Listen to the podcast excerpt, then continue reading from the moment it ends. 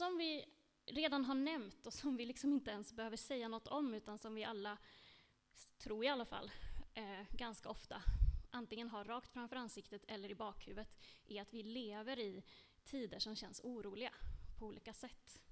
Antingen så är den mesta oron eh, utanför oss själva, eh, men den kryper så nära eftersom vi har nyhetsuppdateringar konstant om vad som händer i omvärlden och runt omkring oss. Eh, av krig och sjukdomar på olika sätt och, och, saker som händer. Eller så sitter oron också på insidan. Eh, saker i mitt eget personliga liv eh, som drabbar. Eh, eller så är det liksom både och. Det som är, finns här ute kommer lätt in. Eh, och därför vill jag tala om rädsla. Rädsla och oro och bekymmer. Bibeln säger ju, eh, nej just det, jag ville också säga att förutom det här då, så är det ju, det är inte bara vi kristna, eller det är inte bara några människor eh, som, som funderar över hur ska man kunna leva i den här tiden, utan jag ser också att i, de här frågorna behandlas i tv-program till exempel på olika sätt. På SVT går en serie eh, just nu med en ung programledare som ställer sig frågan hur ska jag kunna leva i den här världen och hantera min egen ångest över allt som sker. Eh, så det här är någonting eh, som vi lever med, rädsla och ångest på olika sätt.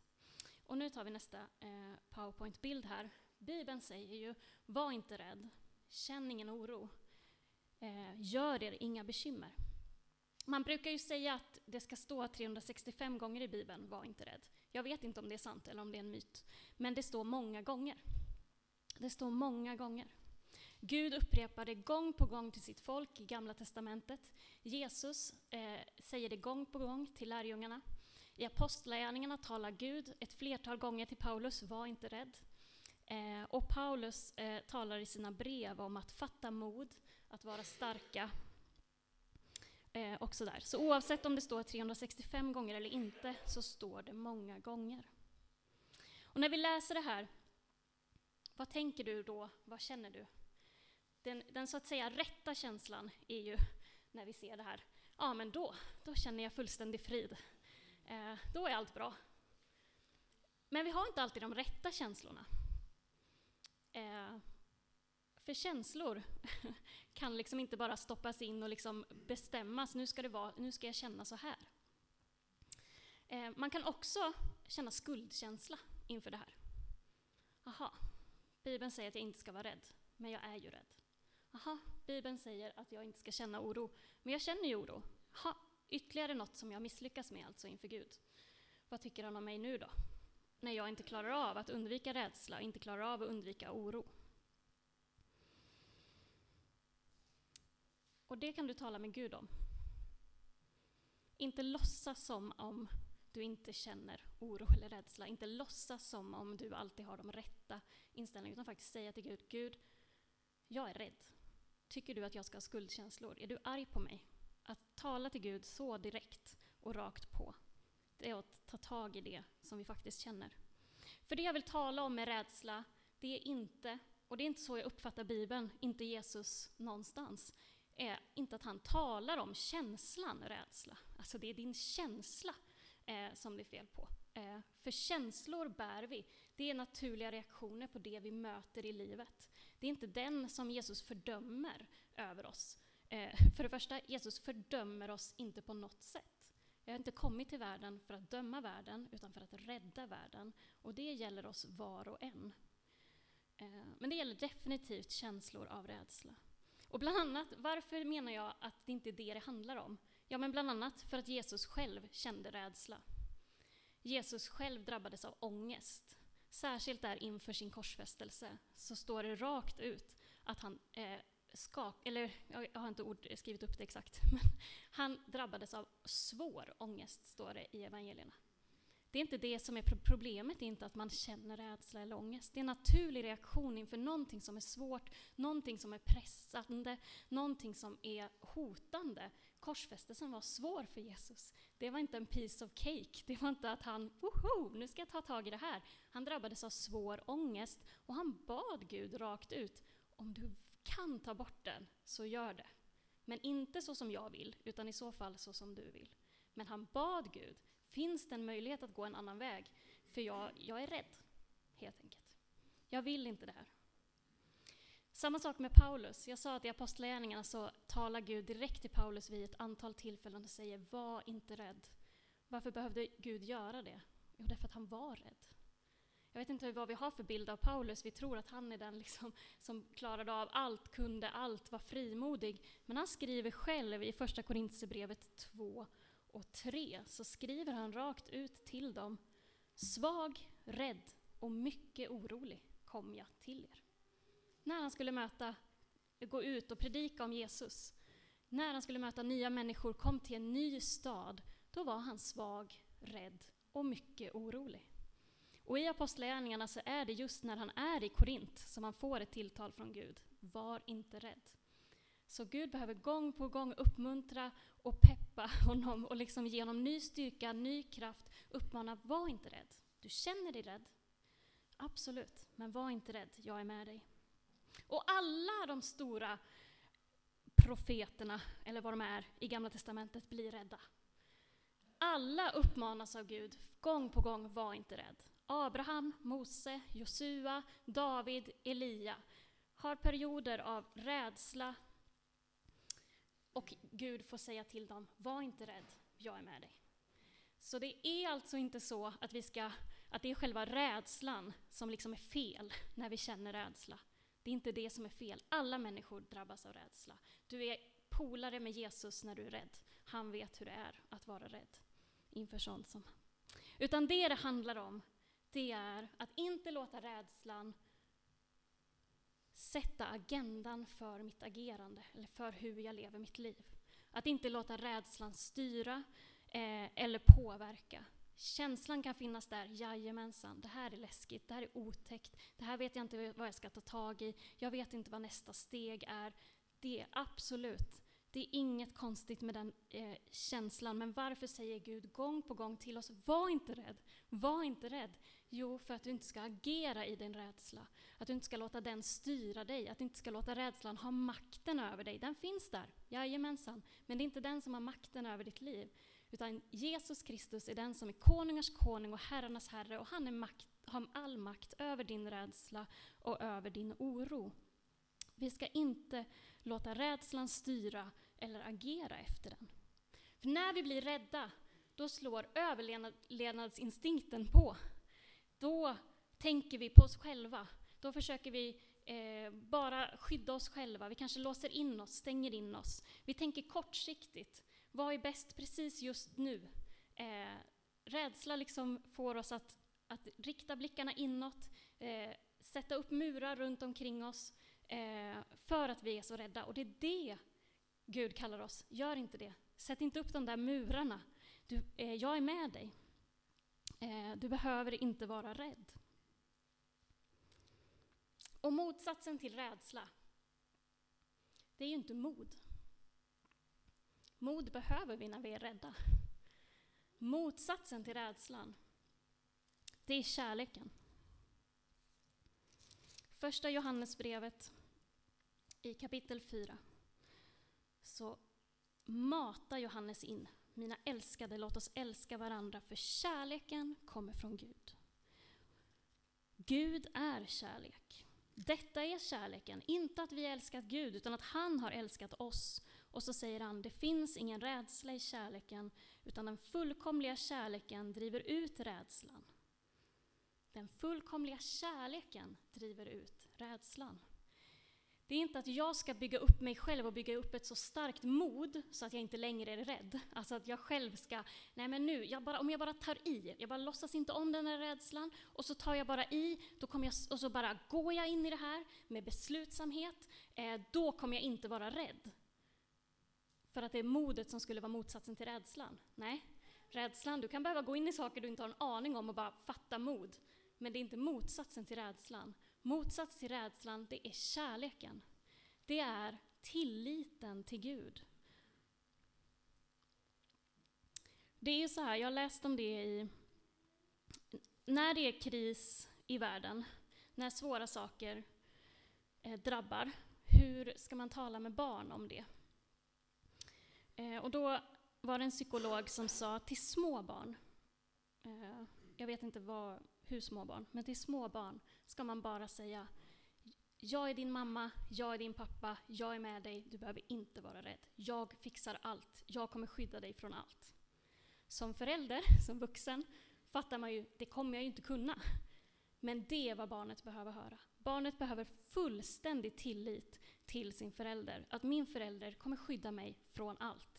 När barnet blir äldre behöver man nyansera det såklart och barnet kommer fatta. Min mamma och pappa kommer inte fixa allt. Men när barnen är små så måste vi bara trycka in tillit i deras liv. Att jag är trygg, mina föräldrar har min rygg. Jag kommer aldrig bli lämnad, jag kommer aldrig bli ensam. Därför att det är det som gör att vi vågar överhuvudtaget leva i den här världen. Att vi har byggt våra liv på tillit. Även om vi sen förstår att världen är mer komplicerad. Men barnen behöver tillit för att kunna växa upp, för att kunna utvecklas, för att kunna våga ta sig an eh, livet. Och Jesus säger i Matteus 18, bli som barnen. Ta emot mig som ett barn. Bilden av barnets tillit till sin förälder, det är en bild av vår tillit till Gud. Eh, hur Gud fullständigt är den som har våran rygg. Att han fullständigt är den som beskyddar och bevarar oss. Ja, världen är komplicerad. Svåra saker drabbar. Men den grundläggande tilliten som är kärlek, den behöver vi bygga in i våra kristna liv. Ta emot den ifrån Gud. Eh, för att våga bära också rädslan, också oron, också osäkerheten som den här världen för med sig. Hur gör man då om min rädsla också har att göra med att jag är rädd för Gud? Kan vi vara rädda för Gud? Får man säga i kyrkan att man är rädd för Gud? Vem är Gud för oss? Vem är Gud för mig? Hur har jag lärt känna Gud? Har jag lärt känna Gud? Hur människor omkring sig beter sig mot mig påverkar också hur jag tror att Gud är.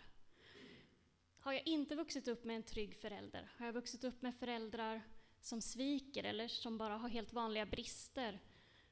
Och så får jag höra att Gud är en förälder även om jag liksom säger i mitt huvud att Gud är god, så har jag med mig som erfarenhet att föräldrar sviker. Föräldrar står inte pall. Och då kan det vara lätt att lägga över den bilden på Gud. Även om jag vet att jag vet att jag vet i mitt huvud att Gud ska vara god, så säger hela min erfarenhet, men människor har ju svikit. Människor har inte stått upp. Och så lägger jag över den bilden på Gud och vågar inte tro eh, att, han är, eh, att han verkligen kan stå pall. Eller så har jag vuxit upp med en väldigt auktoritär förälder eller andra vuxna eller människor runt omkring mig som alltid säger att man måste göra si och vara på ett visst sätt. Ja, lätt att lägga över den bilden också på Gud. Ja, men Gud kräver väl också saker av mig. Visst är han också arg på mig? Visst pekar han också på mina misslyckanden? Eller så är det helt enkelt dålig teologi jag har fått med mig. Att jag har fått höra att jag ska vara rädd för Gud. Att Gud är hård att jag inte kan veta om jag duger. Eller dålig praktik i kyrkan. Teologin kanske är helt rätt, orden kanske är helt rätt. Men människorna som jag möter i kyrkan är inte kärleksfulla. Eh, de är dömande. Så det spelar ingen roll hur mycket orden säger att Gud är god, om jag hela tiden möter människor som inte visar det för mig.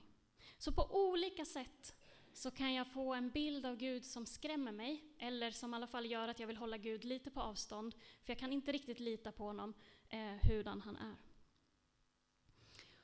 Och steg ett där är att våga möta det hos sig själv. Att våga sätta ord på det och säga det, Gud jag är rädd för dig. Eller jag vet inte om jag kan lita på dig. Jag vet inte om du är god. Eh, jag har hört de här och de här sakerna. Du får bevisa för mig att du inte är sån i så fall. Jesus inbjuder lärjungarna att själva sätta ord på vem de tror att han är. Han frågar dem, vem säger människorna att jag är? Och sen frågar han, vem säger ni att jag är? Jesus säger inte själv, jag är Messias, tro det nu. Utan han letar efter och frågar, har du upptäckt något i ditt inre om vem jag är? Sätt ord på det då. Och lärjungarna säger, ja, de, människorna säger att du är en profet, eller att du är Johannes, eller att du är Elia. Ja, vem säger ni att jag är? ja då har Petrus fått den uppenbarelsen i sitt hjärta, du är Messias.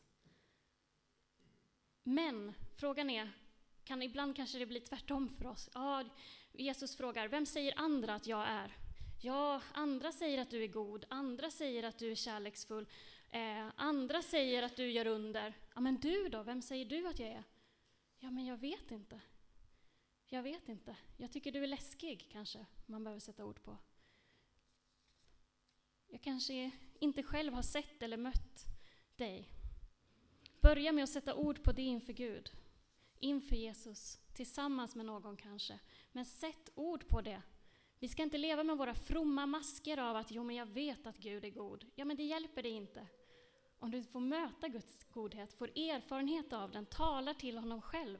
Han vill uppenbara sig för dig. Han vill visa dig att du inte behöver vara rätt, att du kan ha fullständig tillit till honom. Eh, vi behöver inte mer fromma ord. Vi behöver en levande Gud som visar sig för oss, talar om för oss, jag är med dig. Jag är med dig, du behöver inte vara rädd. För när man lever i en sån här skrämmande omvärld på olika sätt, då är det lätt att vilja bygga murar, att stänga in sig, att skydda sig och kanske förfasa sig över hur de där ute är, hur hemskt det är där ute. Men det är inte det vi är kallade till som församling eller som kristna. Vi är inte kallade till att titta, stå vid sidan om och titta, usch, åh, oh, vad hemskt det är där borta, och oj, hur har samhället blivit, och usch, stackars oss som försöker vara kristna i den här hemska och farliga världen.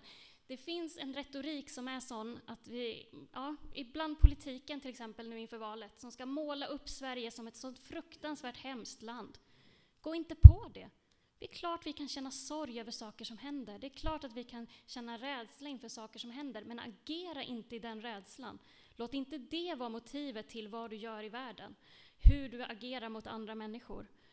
Eh, därför att Gud säger, var inte rädd. Var inte rädd. Församlingens kallelse är densamma oavsett hur världen ser ut. Vi ska älska vår nästa, vi ska göra gott. Eh, Eh, det spelar ingen roll vilken typ av samhälle som är runt omkring oss. Vi följer Jesus. Vi betjänar människor. Vi hämtar vår styrka, vår frid och vårt hopp i Jesus Kristus. Och det spelar ingen roll om vi lever i ett samhälle som håller med om det eller om vi lever i ett samhälle som motarbetar oss. Vi har samma uppdrag. Vi, står, eh, vi håller oss till Jesus. Därför behöver vi inte vara rädda, inte låta rädslan påverka hur vi agerar eller hur vi ser på saker. Det är Jesus som ska forma eh, vem jag är, hur jag agerar och hur jag ser på mig själv och på världen.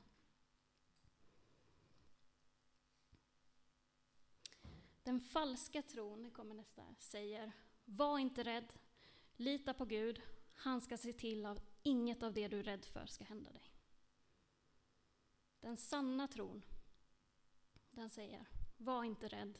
Det du är rädd för kan mycket väl hända. Men lita på Gud. Var inte rädd. Låt inte rädslan diktera eller styra, utan låt Jesus Kristus leda dig. Ge dig mod, ny styrka, frid och hopp att agera i den här världen så som han önskar att vi som församling ska agera. Och hela tiden gå tillbaka till honom. Hela tiden gå tillbaka. Inte förneka rädsla, inte förneka jobbiga känslor, men tillbaka till Jesus.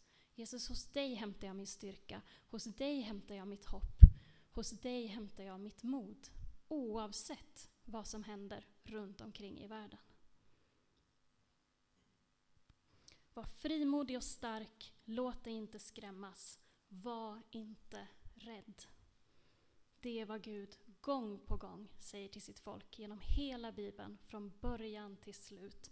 Var frimodig och stark, låt dig inte skrämmas, var inte rädd. Vi ber tillsammans. Jesus.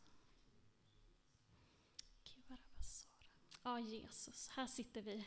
Här kommer vi inför dig, Herre. Bräckliga och svaga, oroliga och rädda på så många olika sätt, Herre.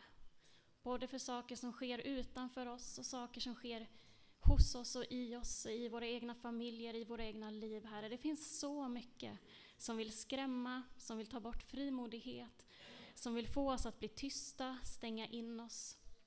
Så mycket som vill dämpa vår frimodighet. När vi tittar på allt det, Gud, då vet vi inte vad vi ska ta vägen och därför så släpper vi nu blicken från allt det och fäster vår blick på dig istället, Herre. Du som är konungars konung, herrarnas herre. Du som bär hela den här jorden i din hand, Herre. Ditt hjärta som bara bultar av kärlek, Herre. Vi vill bara få komma så nära det, Herre. Att rädslan får smälta bort eh, steg för steg och din kärlek istället får fylla oss, Herre. Så att vi kan vara den, de du har tänkt oss att vi ska vara. Att vi får vara den församling du har tänkt oss att vi ska få vara, Herre.